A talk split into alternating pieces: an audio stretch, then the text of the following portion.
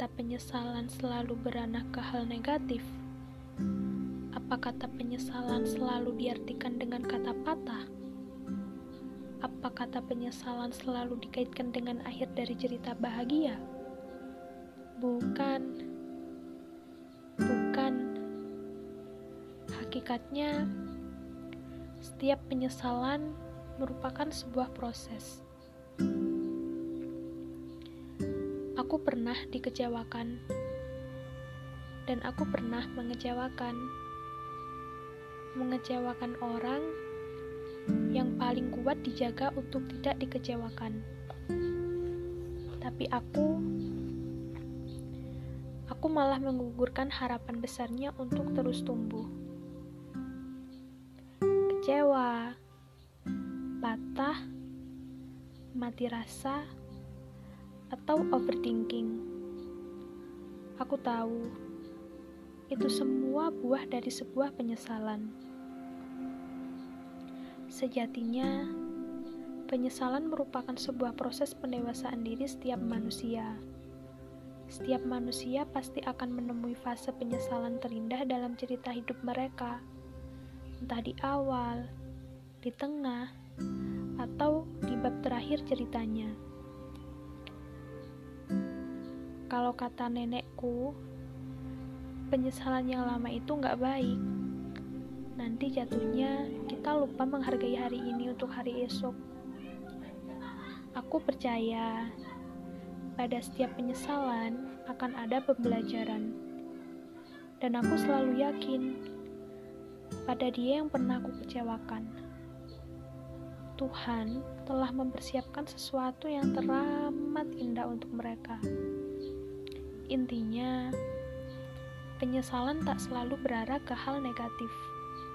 Akan selalu ada buah yang manis dari setiap penyesalan.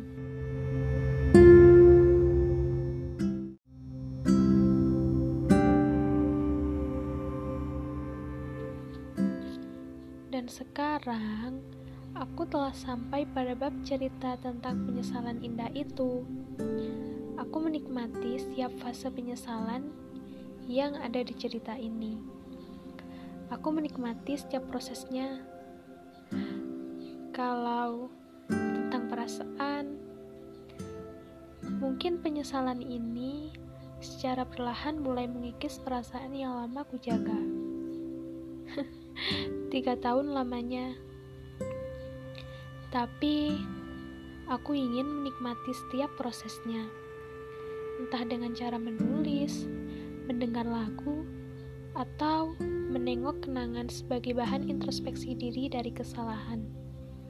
Untuk itu, pada bab penyesalan yang indah ini, kita harus tetap kuat. Penyesalan tak selalu menjerumuskan. Aku akan terus tumbuh, belajar dari kesalahan, dan tumbuh bersama penyesalan ke masa depan.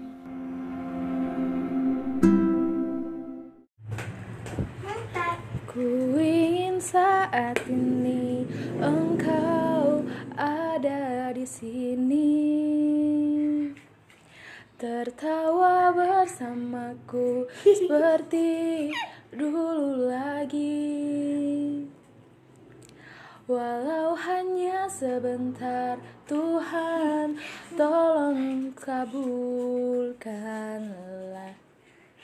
Bukan diri ini tak terima kenyataan Hati ini hanya rindu Mama udah pulang aku. Mama sama pulangnya jam biru Mama.